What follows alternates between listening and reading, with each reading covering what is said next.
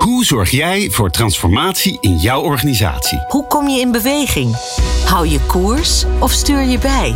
Duw je door of zet je een stap terug? Hoe houd je de bezieling, de energie? En wanneer is het tijd om te stoppen met veranderen? In Verandergasten vragen we het aan mensen die verandering vormgeven. Leer van hen hoe zij hebben geworsteld, hebben gefaald en hebben overwonnen. Dit is de podcast van Cede de Boer over het realiseren van transformaties. Verduurzaming en digitalisering zijn misschien wel de grootste aanjagers van transformaties in organisaties. Uitdagingen die soms overzichtelijk, maar meestal nogal uitdagend zijn. Zeker als het gaat over ruim 50.000 woningen. Wat vraagt zo'n mega-operatie van een veranderaar? Ik ben Glenn van den Burg en Maartje Brands, directeur vastgoedonderhoud en verduurzamen van De Alliantie, is mijn verandergast. Maartje, wat leuk dat je er bent.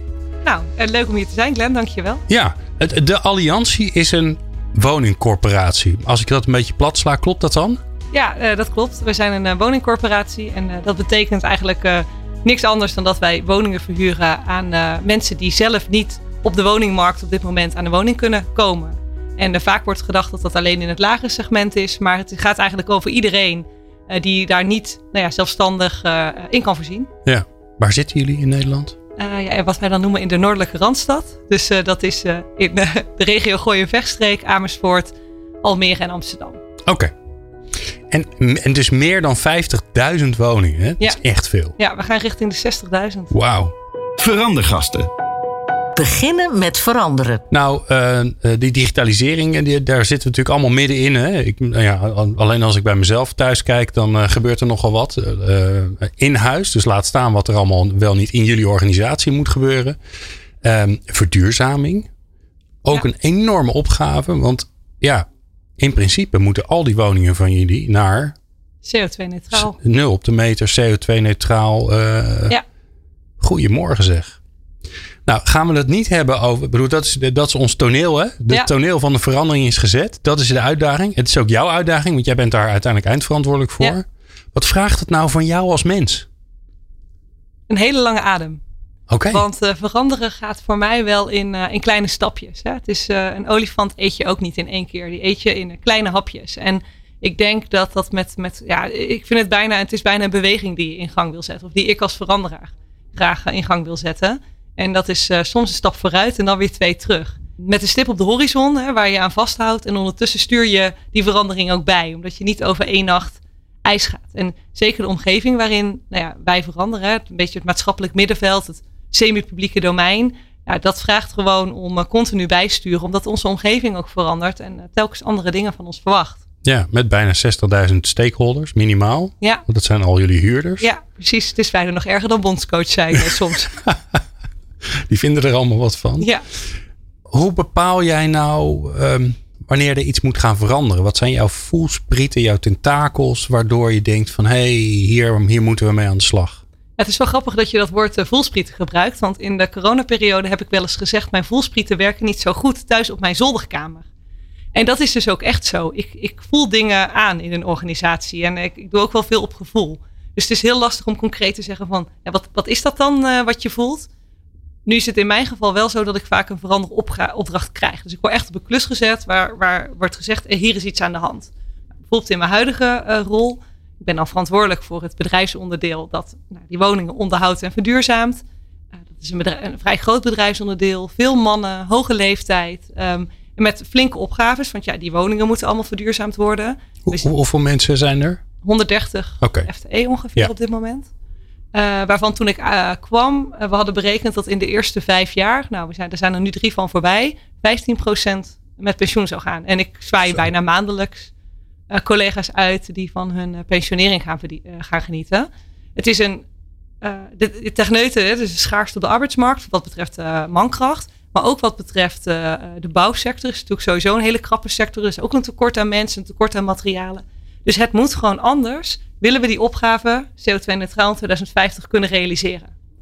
Ja, is dat de kern van waar jij in gelooft? Dat zoals we de dingen gedaan hebben, daar gaan we het niet mee redden. Want we moeten sneller, eh, de mensen zijn er niet, de spullen zijn er niet, de technieken zijn er misschien nog helemaal niet. Ja, maar ik denk dat dat ook nodig is. Hè? Dus je hebt eigenlijk bijna een onmogelijke opdracht nodig om die verandering in gang te kunnen zetten.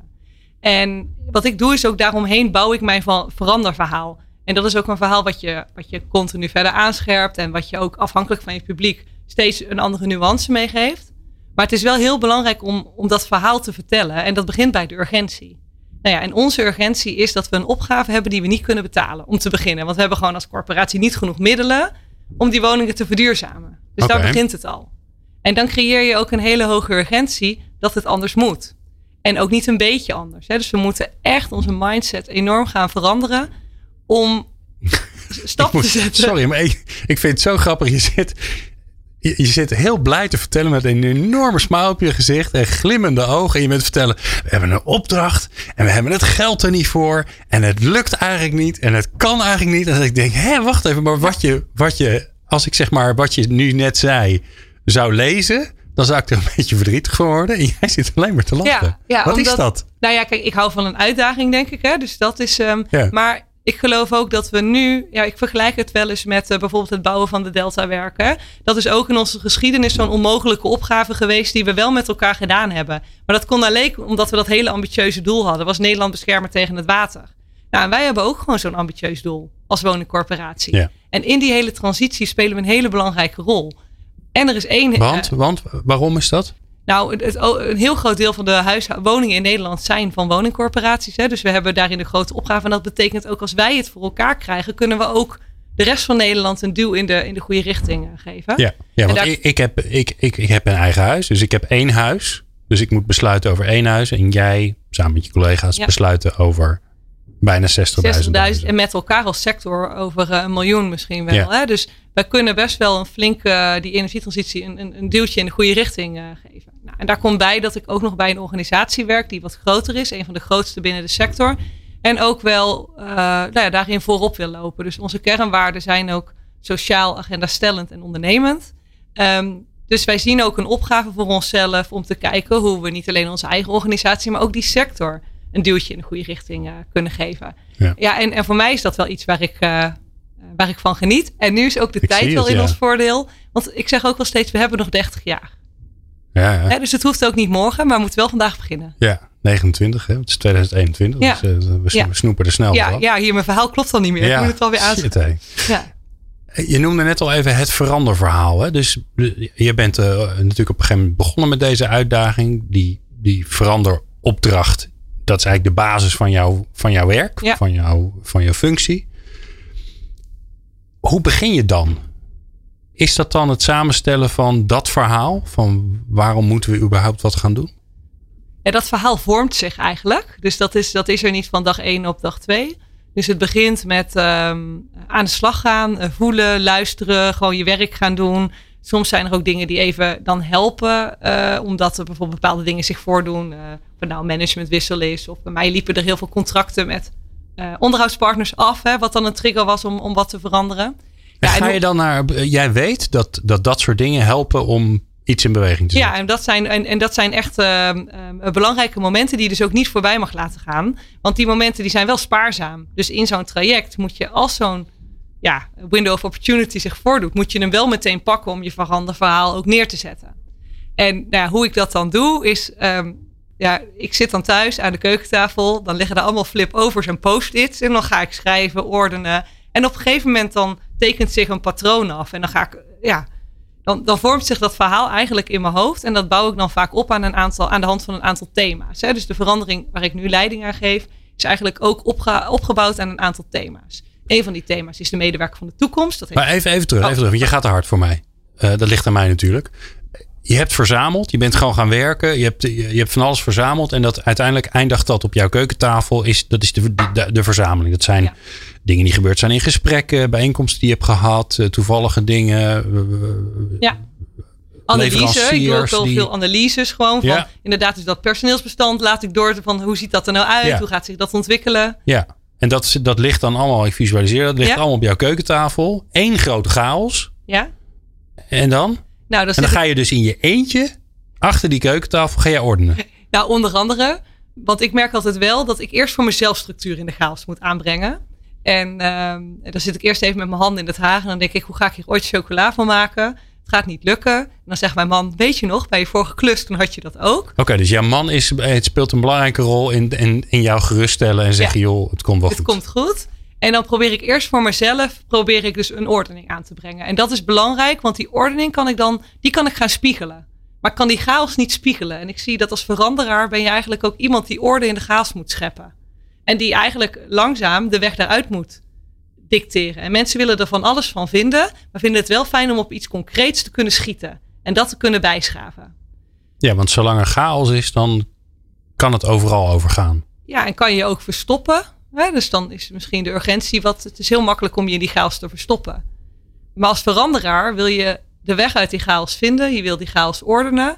En het zijn, je kan het eigenlijk zien als een soort van puzzelstukjes. En als je die puzzelstukjes gaat voorhouden, dan passen ze nog niet in elkaar. Dus je weet wel van, hé, hey, het past nog niet.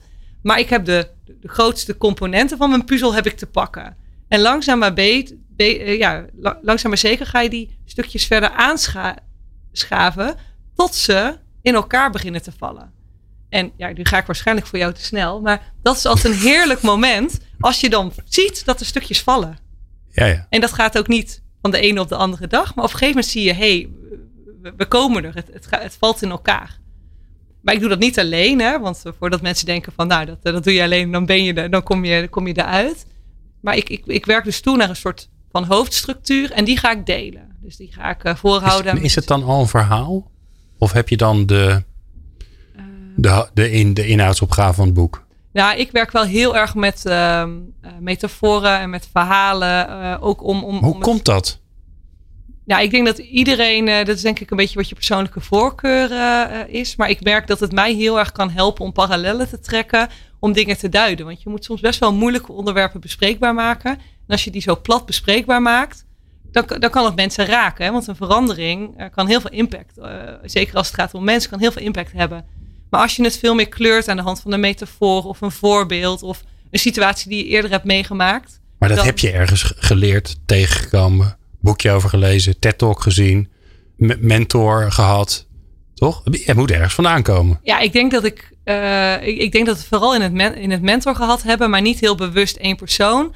Maar ik, ik probeer altijd heel erg te leren van wat ik in mijn omgeving zie gebeuren. En kijken van hé, hey, wat, wat kan ik daarvan gebruiken om mijn eigen methode en mijn eigen stijl verder aan te passen. Maar het is wel belangrijk dat je dus niet gaat kopiëren of een trucje. Ik denk dat het heel belangrijk is dat je als veranderaar authentiek bent. Want anders geloven ze je verhaal ook niet. Dus ze moeten zien dat het echt jouw verhaal is. Maar ik hoor je ook zeggen, het is ook een soort persoonlijke reis. Dus die, die chaos, daar, daar kan je best wel mee leven. Ja? Dus je wordt niet gek van chaos. Maar je gaat wel aan de gang. Dus je bent niet blij met chaos. Dus je gaat aan de gang, je gaat er verzamelen. Dan komt er een moment dat je denkt, ik weet het niet. En dan is je man belangrijk. dus je, dat is wel grappig, want je, ja, ik bedoel, je doet nooit wat alleen natuurlijk. En dan, dan begint langzaamaan de, de weg naar buiten of de, de structuur of de samenhang. Tot, misschien is de samenhang wel het beste woord. De samenhang te ontstaan. Ja. Maar het klopt nog niet. Nee. Je mist nog stukjes. Het is nog een beetje ruw aan de uiteinden. Um, Wanneer ga je vanaf die keukentafel weer naar anderen toe? Ja, dat is een, een continu interactieproces hè, tussen je eigen binnenwereld en, en, en de buitenwereld. Dus het is niet terug te zeggen van ik ga naar buiten toe. Um, het is wel een verschil met dat je nog voorzichtig met mensen praat en aanscherpt en, is, en toetst. Of dat je op een gegeven moment op een podium gaat staan, letterlijk figuurlijk, en je verhaal gaat vertellen. Hè? Dus daar zit wel een stap, uh, daar, daar, zitten, daar gaan wel een aantal stappen aan, uh, uh, aan vooraf. Ja. Um, het is grappig dat je zegt podium. Moet gelijk denken aan een van de dingen die we iedereen vragen. En dat is namelijk. Welk instrument ben jij? Nou, dus stel je maar even voor. Een uh, concerthal met een prachtig uh, uh, ja. groot, groot orkest erin. Of een stoer rockbandje. Met, ja. welk instrument ben je? Ja, ja, dat is voor mij zou dus wel uitmaken of het dat hele mooie orkest is of dat rockbandje. Maar Ja. in het kader van het orkest, dan zou ik denk ik de dirigent zijn. Oké. Want ik geloof heel erg dat organisaties bestaan uit mensen. En dat is voor ons als manager of als, als, als leider is het belangrijk om het beste uit die mensen te halen. En hoe beter de mensen in je organisatie zijn, hoe beter je als organisatie bent. En waar ik dan ook altijd naar streef is om de mensen echt goed in hun vel te krijgen en op de juiste plek. Hè. Zo Ja. onderdeel van, uh, van En nou ben je het. het bandje, want dan ben, Ja, ik dan ben ik de leadzanger. Oh ja? Ja, Oké. ik kan niet zingen overigens, dus gaan we dat niet vragen. Nee, maar, als, je maar- het zou, als, je, als je een toverstafje had, zou je dan Ja, daar toch gaan staan. Zeker. Met een goede stem. Want ik hou, eh, ik hou wel van op het podium staan en het verhaal vertellen. En mensen echt meenemen ook in dat verhaal. En ik denk dat dat is wat zangers ook echt kunnen. Hè? Je helemaal meesleuren in een, eh, in een liedje of in een nummer. Ehm, en ik, ik hou er ook van om daarin voorop te lopen en, en, en de leiding te nemen. En hoe combineer je dat dan? Want, want op het podium staan en we gaan rechtdoor, we gaan daarheen. En, ehm, eh, en erin geloven dat mensen uiteindelijk het moeten doen. Dat, ja, daar, daar kan ook een conflict in zitten. Hoe zie jij dat? Ehm, ja, ik, ik, ik ervaar dat niet als conflict. Ik, ga, ik ervaar het juist heel erg als complementair. Want ik denk dat de grootste valkuil is als je denkt dat je het alleen kan. En dat kan echt, echt nooit. We gaan dadelijk vast nog over weerstand spreken. Eh, dat kan echt nooit. Ehm, maar je moet wel beseffen dat mensen meegaan in hun eigen tempo. En ehm, dat jouw snelheid niet altijd de snelheid is van de andere mensen. En daar moet je dus, dat doet een dirigent ook, eh, jouw snelheid op aanpassen. Maar je, dat betekent ook dat jij ehm, ehm, de juiste momenten moet kiezen om te zeggen: Oké, nu is er interactie nodig. Nu moet ik mensen vragen gaan stellen. Ik moet dingen op gaan halen. Ik moet ze laten reflecteren. Ik moet een mening ophalen. En het moment dat je zegt: Oké, maar nu moet ik ervoor gaan staan. En moet ik gaan zeggen: Oké, jongens, ik heb goed geluisterd. Eh, heel veel samenge, samengebald. En dit is waar ik, in, waar, waar ik in geloof en waar we naartoe gaan. Ja, Als je en- dat op de verkeerde momenten doet, dan ben je totaal niet effectief. Klopt. Dus het is ook balanceren. Ja. Ehm, en ehm, ik luister daarin wel heel goed naar mijn onderbuikgevoel, want dat is natuurlijk ook wel eens misgegaan. En als ik daar dan op terug reflecteer, dan denk ik, dit voelde ik eigenlijk al wel aankomen. Ik dacht al wel, de tijd is niet helemaal rijp. Maar dan dacht ik, ja, ik noem maar wat, de zomervakantie komt eraan. Als we het nou nog even Ja. lekker voor de zomervakantie er doorheen duwen. Hè, dus, ehm, eh, dus de tijd moet ook rijp zijn. En daar moet je echt in investeren. En dat lijkt in het begin, kan dat heel lang duren. Maar op een gegeven moment rolt die bal. Dan vallen die puzzelstukjes. En dan wordt de groep mensen die met je meegaan, die wordt groter en groter. En wat daarin ook heel belangrijk is, is ook de vooroplopers zelf een hele belangrijke rol toekennen. Hè? Dus het is ook, in die zin zet ik die ook juist op het podium. Of die zet ik naast mij op het podium. Of, eh, ehm, want ja, die mensen, dat zijn de dragers van je verandering. Wat heb jij nou te overwinnen in zo'n, in zo'n ongelooflijk uitdagende klus? Dus wat, waar lig je wel eens wakker van? Of ben je bang voor dat je denkt, oh shit, als ik maar niet weer in die val, valkuil strap. Want ik weet dat ik daar niet zo goed in ben. Dus wat is de, wat is de struggle bij jou? Ik zou dan twee dingen willen noemen. Eentje is mijn eigen snelheid en resultaatgerichtheid. Dat conflicteert soms wel met zo'n complexe eh, verandering. Eh, maar dat is wel iets wat ik door de jaren heen heb geleerd. En dan ga je gewoon te snel. Dan ben jij, dan ben jij al ergens en dan kijk je achterom en Ja. dan is het leeg. Ja, ja. Oké. Nou ja, dat is, dat is natuurlijk het ergste wat Het er ergste kan gebeuren. Dat, dat is er eentje waarvan ik denk van dat is wel echt voor mij een, eh, eh, een groot risico. En waar ik onderweg soms wel eens bang voor ben, is dat ik denk, wat als ik het mis heb? Want er is geen, het, het is, er is geen uitgetekende route. En ja, ik bedoel, ik heb het nu een paar keer gedaan. Maar iedere eh, transformatieopdracht is wel weer een andere. Dus soms denk ik wel, dan, ook ik ben dan wel eens onzeker. En dan denk ik, wat nou als ik het mis heb? Ja. En dan is het wel heel belangrijk om eh, heel goed te blijven luisteren naar je omgeving. Want je wordt wel bijgestuurd Ja. als je het mis hebt. Oké. Ja, want dat is natuurlijk een interessante, hè? Dat je, dat je het idee hebt van ja, ik kan het ook een eh, mis hebben, is op zich natuurlijk een, eh, een uitstekende manier om even te checken hoe, of je nog een beetje in touch bent met de wereld. Maar hoe doe je dat dan? Dus hoe zorg je ervoor dat je daar dan mee omgaat, zodat je, ja, zo- zodat je de checks hebt of je niet de verkeerde, het verkeerde pad inslaat? Of, eh, ik denk dat er in zo'n, in zo'n verandering zitten er een aantal natuurlijke momenten, een aantal hordes die je gewoon moet passeren, waar die checks en balances sowieso zitten in eh, gebakken. Van, eh, er is vaak nog wel een, misschien een bestuurder of een raad van commissarissen boven je, die je ook van je plannen en van je visie moeten moet overtuigen. Zijn vaak nog andere, een, cliëntenraad of een huurdersraad of eh, ehm, eh, een ondernemingsraad. Hè. Dus er zijn wel een aantal natuurlijke gremia waar je gewoon langs moet. En waar je eh, ja, altijd dingen terugkrijgt waarbij je voor sommige dingen denkt, ja, hier kan ik niks mee. Maar er zit echt ook altijd hele waardevolle punten in die jouw plan weer, weer beter maken. Ik probeer ook altijd wel heel erg buiten de spiegel op, op te zoeken. Want zeker in de sector waar ik nu dan werkzaam in ben, het is echt ook een eigen wereldje die vrij weinig naar buiten kijkt. Uh, hoe doe je dat? Hoe organiseer je dat voor jezelf? nou, dat, dat kan gewoon in mijn persoonlijke netwerk zijn. Dat ik zeg, joh, kan je eens met me meedenken? Of dat ik een sector opzoek die een onderwerp al vooruit loopt. Hè. Dus um, we zijn nu ook heel erg bezig met een nieuwe samenwerking met de markt, met marktpartijen, met bouwpartijen. En uh, dat heet dan een soort van ketensamenwerking. En bijvoorbeeld in de hele agri-sector is dat al heel gewoon. Dus dat is dan bijvoorbeeld een sector waar we naar gaan kijken. Van hoe doen jullie dat? Wat kunnen wij daarvan leren? En ook niet het wiel zelf uitvinden. Of laatst bijvoorbeeld uh, een hele interessante sessie gehad met Rijkswaterstaat. Die zijn al heel ver met hoe, nou ja, toets je nou de kwaliteit van werken die je hebt uitbesteed. In hun geval snelwegen en bruggen en dat soort dingen. In mijn geval woningen. Maar in de kern is het eigenlijk hetzelfde. Ja, want ze hebben, Rijkswaterstaat besteedt aan, uh, die rekent aannemers af niet op uh, hoeveel, hoeveel asfalt ze hebben gelegd, maar hoe de doorstroming is. Bijvoorbeeld, Bijvoorbeeld. of ja. op, dat er zo lang mogelijk geen kosten zijn aan het onderhoud van het wegdek ja. met een bepaalde doorstroming. Ja. Dus veel meer Oh, prestatie gestuurd. Ben je dan gewoon op? Ja. Ja. Ja, nou ja, dat klinkt heel logisch, maar ik vind het altijd opvallend dat het zo weinig gebeurt. Dus Ja. le- leuk om van jou te horen dat dat het bij jou wel zo werkt. Nou, en een leuke les die ik dacht is echt wel geleerd. Dat mensen vinden het allemaal heel leuk om over hun werk te praten. Dus ja, eh, dat vinden, we, vinden mensen echt, echt nooit erg. En je hebt dus ook wel een bepaalde mate van lef nodig om gewoon even die telefoon te pakken en eh, te zeggen van joh, volgens mij ben je met iets interessants bezig. Mag ik eens komen praten? Cool. Ehm, je bent begonnen met veranderen. Eh, je hebt je veranderverhaal begint zich te ontwikkelen. Ja, dat is natuurlijk ook gewoon een fase. Dat moet je gewoon. Verandergasten.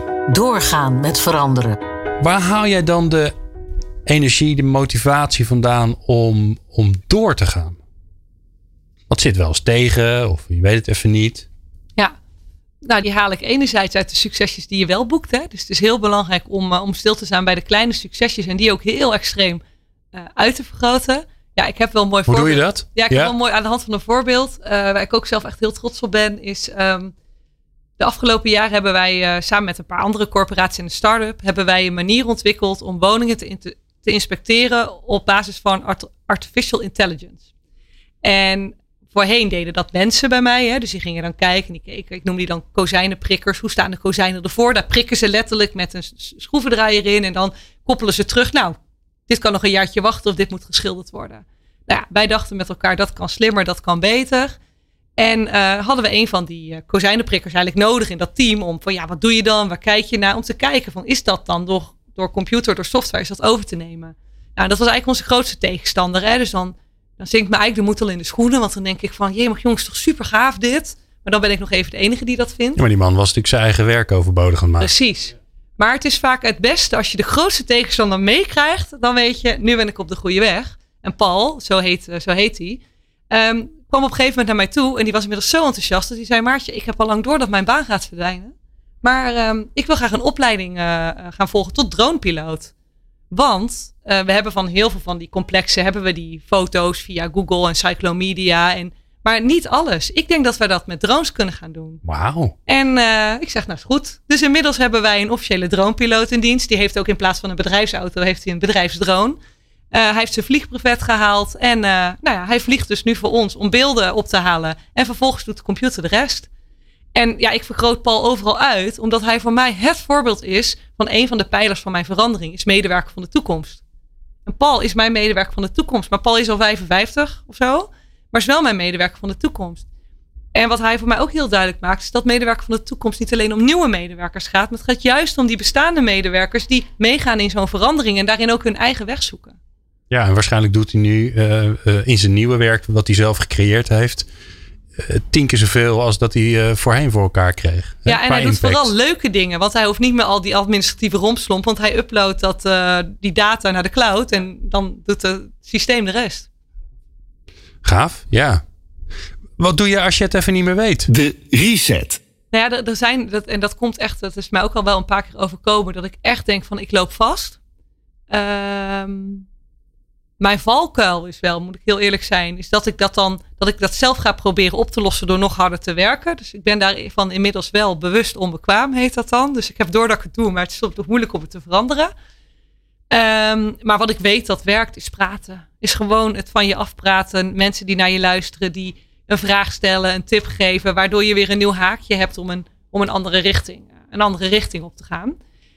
Um, en ik vind dat je je nooit te groot moet voelen om een beslissing terug te trekken. Um, dat vind ik ook gewoon heel belangrijk. Het is een organisch proces. Het is ook niet één rechte weg. Hè? Van uh, wij gaan naar Rome en we hebben al precies bedacht hoe we gaan rijden, waar we gaan overnachten. Het is echt een reis. De bestemming ligt min of meer vast. Dus ook niet Rome, die is Italië in dit geval. En hoe we daarheen gaan, nou, dat gaan we via welke tussenstops, dat gaan we met elkaar gaan we dat ontdekken. Ja, het is grappig dat je dat zegt. was nou precies het volgende wat ik wilde weten. Dat kan ik me heel goed voorstellen. Dat, dat als je daarin gelooft, dan, uh, dan dat maakt veranderen al een stuk makkelijker dan dat je zegt: Ik heb een plan, dit zijn de mijlpalen. We gaan steeds van paaltje naar paaltje. Dat gaat bijna per definitie mis, zou je kunnen zeggen. Hoe speel je dan in op de werkelijkheid terwijl je met elkaar onderweg bent? Um, ja, de verandering waar ik over praat is ook niet een verandering van we gaan reorganiseren, er moet 30% uit. Uh, vandaag allemaal bij de baas komen en dan met een doosje naar buiten. Hè. Dus dit zijn wel wat organischere processen, maar ja, ook veel, heeft een veel hogere mate van complexiteit in zich. En ja, je voelt al wel aan dat als zo'n verandering, ik trek er het liefst, liefst drie jaar vooruit, dan, uh, dan verandert er natuurlijk in die drie jaar van alles waar je continu op in, uh, in moet spelen. Dus je zet eigenlijk, ik zei net van die, olifant eet je in hapjes. En elke keer neem je weer een volgend hapje en denk je na van, hé, hey, hoe ga ik dit hapje vormgeven binnen die visie die ik, uh, die ik heb. En het is ook helemaal niet nodig om dat van tevoren allemaal uit te kouwen en erover na te denken, want het komt hoe het komt. Um, en het kan bijvoorbeeld zijn een teamleider die vertrekt. Dat maakt dat dat het moment is om met dat team aan de slag te gaan. Terwijl in mijn oorspronkelijke hoofd die, dat team misschien pas veel later in de planning stond. Maar dan doet zich weer zo'n window of opportunity of een urgentie voor, waardoor je op dat moment door kan pakken. Ik vind me hele mooie. Hoe leer je dat aan anderen? Want ik kan me voorstellen dat, volgens mij weten we dat ook uit alle verandertheorieën, dat, dat verhuizingen, verbouwingen, dus zeg maar echt fysieke dingen, mensen die weggaan, dat zijn hele natuurlijke momenten waarbij het veel, veel makkelijker tussen aanstekens, maar ook vooral veel succesvoller veranderingen voor elkaar kan krijgen dat is natuurlijk ook in die hele verduurzaamheidsontwikkeling. Weet ik veel, ze komen erachter dat op een van jullie, uh, van jullie flatgebouwen dat het dak niet meer goed is. Dat is zo'n moment dat er allerlei bellen volgens mij af moeten gaan en denken: hé, hey, wacht eens even, dak niet goed meer, dak vervangen, stevig maken, zonnepanelen erop. Maar dat moet wel in de organisatie zitten. Want als je dat soort momenten voorbij laat gaan, ja, dan ga je. Ja, ja, en, maar het probleem is wel als je over al die hele kleine dingen, want dit vind ik dan eigenlijk relatief klein, hè? Ik bedoel, als het gaat over 60.000 woningen. Uh, je kan je dus een ook. Een heel groot flatgebouw. nee, maar ik dring er bijvoorbeeld nu bij, bij iedere teamleider, manager in, in, het, in mijn organisatieonderdeel op aan van ben heel bewust wie je aanneemt. Neem die medewerker van de toekomst aan. Doe daar geen concessies op. We hebben gewoon een enorme uitstroom. Dus, dus, dus we moeten de mensen die we hebben, moeten we koesteren. En die moeten we helpen om mee te gaan in die verandering. Maar we moeten heel selectief zijn in wie we binnenhalen. Want die moeten voldoen aan, die moeten meer data gedreven zijn, die moeten op een andere manier nadenken over samenwerking. Neem, doe daarin geen concessies. Ik ga niet zo ver dat ik goedkeuring ga geven op iedere aanname die we doen. Want, en ik zie het gebeuren dat er toch een andere keuze wordt gemaakt. Ja. Dat laat ik gaan. Want ja. je kan niet overal grip op hebben. Maar er zijn een aantal key persons in mijn organisatie en in mijn verandering waar ik me wel tegenaan wil bemoeien. Dus we gaan bijvoorbeeld nu een nieuwe rol vervullen. We hebben een tijd geleden trouwens ook een nieuwe rol. Zit er nog van alles tussen. Maar ik zei, ik wil die persoon spreken. Want die is zo belangrijk in mijn verandering en in mijn veranderverhaal. Dat ik gewoon zeker wil weten dat we de juiste persoon Hoe hebben. Hoe weet je dat? Dat dat, dat zo'n plek is? Goeie vragen stel jij zeg. Ja, je vraagt mij nu om iets expliciet te maken wat ik altijd op gevoel doe. Ja. Nou, het zijn vaak of nieuwe rollen. Dus je gaat iets toevoegen. En dat doe je natuurlijk ook bewust om die verandering in gang te zetten. Ik heb bijvoorbeeld heel bewust functie gecreëerd die heet Manager Innovatie en Partnerships. Omdat onderdeel van mijn veranderverhaal is, wij moeten nieuwe partnerships sluiten. We moeten alles wat de markt kan doen, moeten we de markt laten doen. En wij moeten veel meer openstaan voor innovatie, want we kunnen onze opgaven niet betalen. Dus wij hebben de innovaties moeten we naar binnen gaan halen. Ja, dat is, dat is bijna een symbolisch iets waarmee ik vormgeef aan mijn veranderverhaal. Maar het is wel cruciaal. Eigenlijk is het een interventie.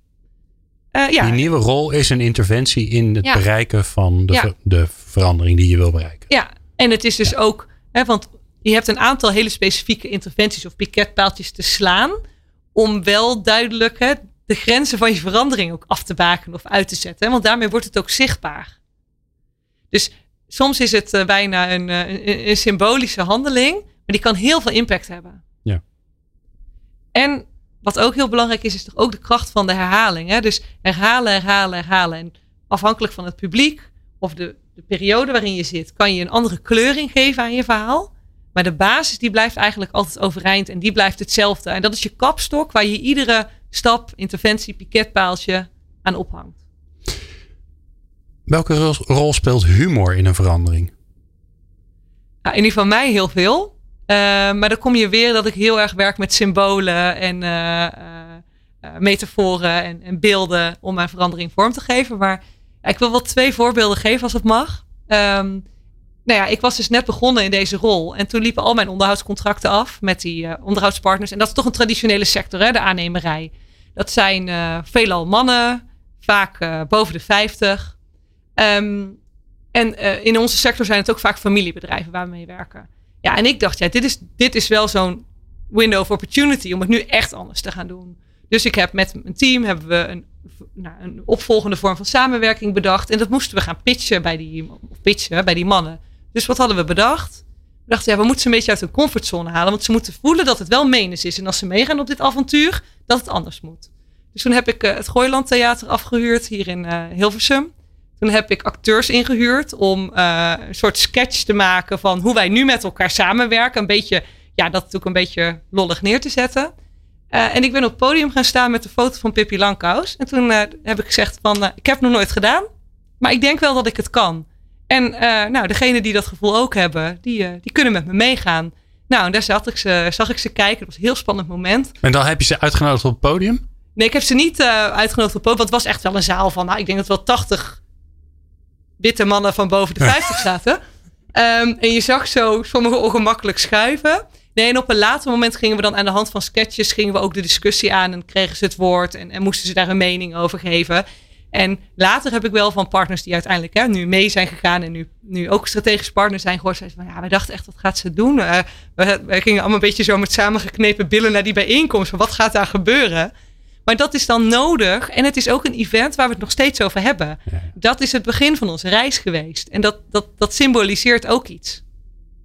Het klinkt alsof je heel erg ervaringen creëert. Eh, hè, want je hebt het over verhalen, over metaforen. Dit is ook echt iets wat. Ja, dat heb je samen meegemaakt. En dat is.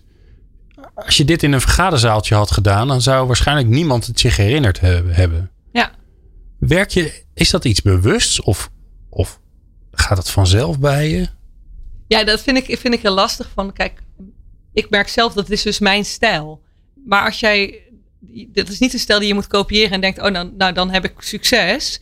Want je moet echt wel iets doen wat bij je past. En Waar komt het vandaan dan bij jou? Het is niet heel typisch. Het is, het is een beetje. Zeg maar, de taal die je gebruikt. eh, Wij zijn hier in Hilversum en die past hier heel erg. Hè, Dat, dat, dat is bijna communicatietaal. Hè? En dan niet in de saaie zin, maar in de leuke zin des woords. Ja. Maar verandering is eigenlijk niks anders. Hè? Het is gewoon een interactie tussen mensen die in plaats van linksaf gaan, langzaam met elkaar rechtsaf gaan bewegen. En de vraag is van, ja, wat, welke, welke tools en middelen kan ik inzetten om, om, ja, om, om rechtsaf te bewegen? En dan moet Ja, je wel. Maar nu, en dit, dit, nu zeg je dit en nu denk ik, ja, als, als je dat had opgeschreven, dan zou ik denken, ja, dat is het begin van een saai veranderboek.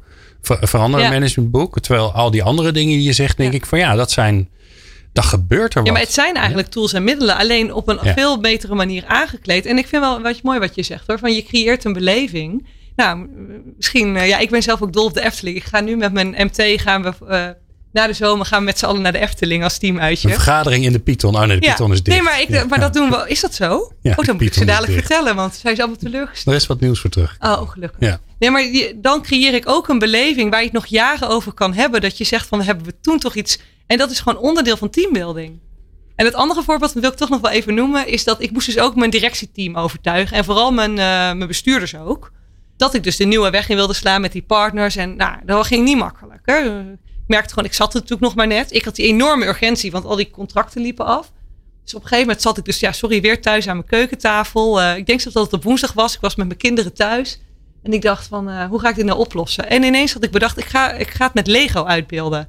Dus toen heb ik met mijn kinderen een middag zitten Lego. En heb ik eigenlijk mijn plan nagebouwd met Lego. Stickertjes erop geplakt, want ze moesten wel weten, rood staat hiervoor en groen. Poppetjes erop, hè. dit is die uh, functionaris, die is die functionaris. En toen heb ik ze eerst de Lego steentjes in de vergadering gegeven. Hoe het nu was georganiseerd. En toen moesten ze met elkaar gaan uitwisselen. En toen liet ik zien hoe we het zouden gaan organiseren. Nou, toen uh, had ik ze mee. Klaar. En dat zijn wel cruciale momenten geweest. Die nu we het er zo over hebben eigenlijk hoor. Daar ben ik niet zo bewust van. Maar um, die dus um, die verandering verder in gang hebben gezet. Die weer zorgden dat er weer een groep met me meeging. Ja. Maar volgens mij zitten er dus het is een beetje mijn vak, maar er vliegen allerlei dingen door mijn hoofd dat ik denk van jij doet dus onbewust vanuit hoe, waar, je, waar je gelooft, maar ook wat je leuk vindt volgens mij. Ja, doe je dingen gewoon die gewoon heel goed werken. Hè? Visualiseren, uh, iets laten ontstaan. Hè? Dus niet met woorden, maar, maar nou ja, Lego, eh, je had ook blokken, het maakt niet zoveel ja. uit wat je had gebruikt. Maar ja, je, je maakt het tastbaar. En dan ben je voorbij aan de woorden. En als je voorbij bent aan de woorden, dan is het veel makkelijker om het grote geheel te zien. Want anders gaan mensen zeuren, want dan zeg jij, uh, ja, we willen gewoon uh, meer een partnership. En dan hebben ze allerlei beelden bij en dan krijg je daar gedoe over. Terwijl, ja, als je het gewoon voor je ogen ziet gebeuren, dan hoef je het er niet meer over te hebben. Dus ik vind, ik vind dat wel heel mooi om te zien. Complimenten. Nou, dank je. Ja. ja. We gaan um, naar de volgende fase van veranderen, namelijk verandergasten. Stoppen met veranderen. Nou, dat is altijd een uitdaging. Daardoor hebben we um, uh, een aantal stellingen voor je. En mm -hmm. de vraag is aan jou om daar met ja of nee op uh, te antwoorden. Instelling. Keuze uit twee antwoorden. Ja of nee. Ik stop pas als het doel bereikt is. Ja. De verandering is nooit klaar. Ja. Dan stop jij dus nooit. Nee. Maar dat is gek. Want je stopt pas als het doel bereikt is en de verandering is nooit klaar. Klopt. Maar jij zei, dan stop jij dus nooit. Nee. Mijn taak zit er op een gegeven moment op. Wanneer zit jouw taak erop? Als de contouren van het veranderplan echt verankerd zijn in een organisatie. En dat betekent niet dat we alle puntjes. Ja, nu wordt het weer. Ik ga ja, weer in beeldspraak proberen te praten. Ja, um, doe, vertaal hem is leuk. ja, nou, um, zie het als. Uh, nou, misschien wel ook hoe, hoe, jij werkt. Of als je, als je zeg maar een radio-uitzending maakt. Of hè, het, het ruwe materiaal is er. Hè, de, de, het grootste werk is dan echt gedaan. En dan op een gegeven moment ga jij fine-tunen. En dan ga je de puntjes op de i zetten. Nog leuke tuentjes toevoegen. Nou, in die overgang, dan stop ik. En dan uh, streef ik ernaar dat de organisatie zelf in staat is om met de, met de beweging die we gegeven hebben, die puntjes op de i te gaan zetten. Um, dus, dan, dat, hè, dus je vroeg van wanneer stop jij? Dan ja. stop ik. Dan zit in mijn ogen mijn, mijn taak erop. Uh, maar ik vind ook dat een verandering nooit klaar is. In deze tijd waarin we leven is verandering een constante. En we kunnen doen alsof het niet zo is, maar dan denk ik echt dat je je ogen nou ja, sluit voor de realiteit. Je moet er alleen wel over nadenken of iedereen in staat is om te kunnen veranderen. Of om, om zo'n verandering te leiden. Dus als je naar zo'n bedrijfsonderdeel kijkt, is het heel goed als er na mij weer iemand komt die gewoon gaat bestendigen. En die zal echt ook dingen veranderen, hoop ik. En die zal dingen bijschaven. En die zal hè, nog wat, wat tuentjes toevoegen. Ja. En nog wat sjeu toevoegen. En... Maar niet op zijn kop zetten. Nee, maar dan gaat weer een, na een paar jaar een volgende fase komen. Dat dat wel weer nodig is. En het is dus ook een utopie om te denken. Nou, we hebben een grote verandering achter de rug. Nu zijn we voor 15 jaar klaar.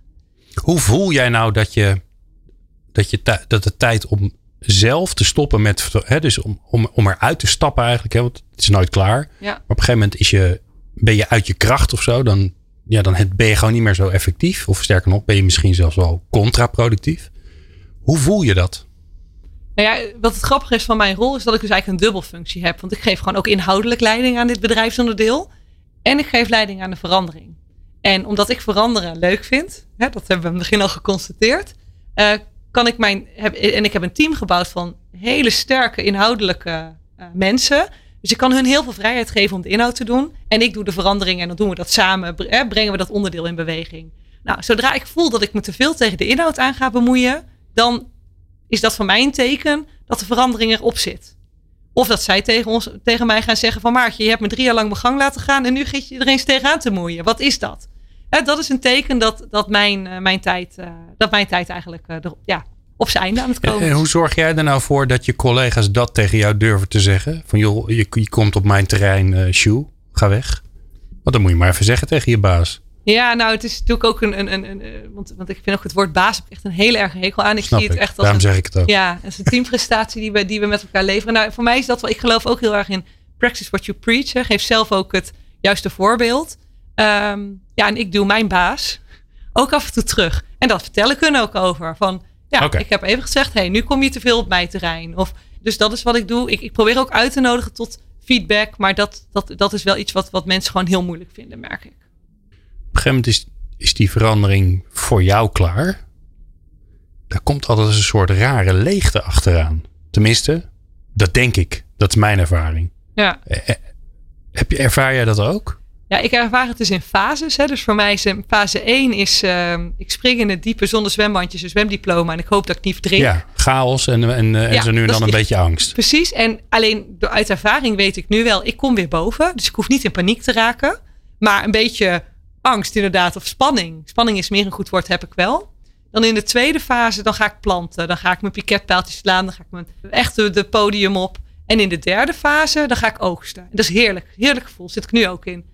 Dat is het fijnste periode van de verandering eigenlijk, vind ik, voor de veranderaar. Want dan krijg je echt, nou ja... eh, Je ziet dingen gebeuren. je ziet je resultaat, je, je ziet de, de bloemen bloeien. eh, ja, dat is, maar dat moet niet te lang duren. Ik wou net zeggen, want na, na de hè, eh, oogsten doen we in de herfst. Eh, augustus, september. Einde zomer, herfst. Daarna wordt het winter. Ja.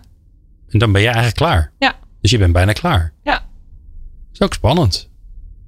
Ehm, je zit nog zo blij te vertellen over wat je allemaal aan het doen bent. ja, maar dit is dus een beetje ehm, eh, dat je precies op het juiste moment ook uiteindelijk hè, moet vertrekken. Niet te vroeg, want dan ehm, maak je je verandering denk ik ook niet goed af. Hè? En je moet ook wel soms pijn kunnen hebben van beslissingen die je genomen hebt. En je kunnen realiseren, oeh, dat heb ik Hmm. misschien niet goed gedaan. Maar dus ook niet te laat, want dan word je zo'n zuurpruim die dus de eigen puntjes op de i wil zetten. Terwijl eigenlijk een ander misschien dan, eh, dan moet, eh, moet inkleuren. Loop je ook het risico dat je dingen gaat veranderen die je al veranderd hebt? Als je te lang blijft, doe- is dat zeker. Ik denk wel dat eh, je hebt wel zeg maar een hele cyclus of een beleidscyclus of een vier, vijf jaar cyclus nodig voordat dat weer het geval is. Maar dat is wel het, dat, dat risico zit er wel in als je te lang op eenzelfde opdracht zou blijven. Ja. En wanneer weet jij dat het tijd is echt voor het nieuws? Ja, want je bent nu in de oogstfase, dus je weet, nou, dit is eh, fase 3. En dan kan natuurlijk gewoon een nieuwe cyclus komen, hè, omdat er gewoon een nieuwe klus opdracht is. Nou, dat is als mijn agenda dus te leeg begint te worden en ik tijd heb voor dit soort dingen. Ja, ja, oké. Dus, dus zolang jij het heel druk hebt en, eh, en genoeg, je, je hersenen genoeg uitgedaagd wordt, dan gaat het goed. Maar op het moment dat je je gaat vervelen en dus anderen gaat lastigvallen, dan, dan Ja. wordt het tijd. Ja, Mooi. Er luisteren naar deze podcast veranderaars. Die luisteren naar jou. eh, want die zullen zich herkennen. Die zullen dingen leren. Wat zou je ze mee willen geven? twee dingen. Het belangrijkste is soms ook gewoon beginnen. Het risico is soms, hè, zeg wel eens, bezint eer begint. Maar het is soms ook gewoon beginnen. Ga die bal in beweging. Zorg dat die kleine sneeuwbal gaat rollen. Voor, hè, en dan wordt het vanzelf, ja, lawine is eigenlijk misschien een verkeerde beeldspraak. Maar hè, zorg dat die bal in beweging komt. Dus ga gewoon beginnen. En begin ergens. Ehm, dus dus ik denk dat dat heel belangrijk is. En blijf dicht bij jezelf. Ben authentiek. Luister naar jezelf. Ehm, want eigenlijk is je eigen gevoel vaak al een hele goede raadgever of je bepaalde stappen wel of niet moet zetten.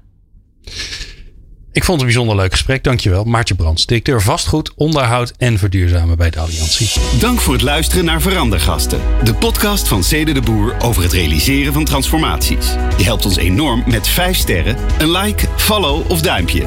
Meer afleveringen vind je in jouw favoriete podcast app. Vergeet je niet te abonneren als je niks wilt missen.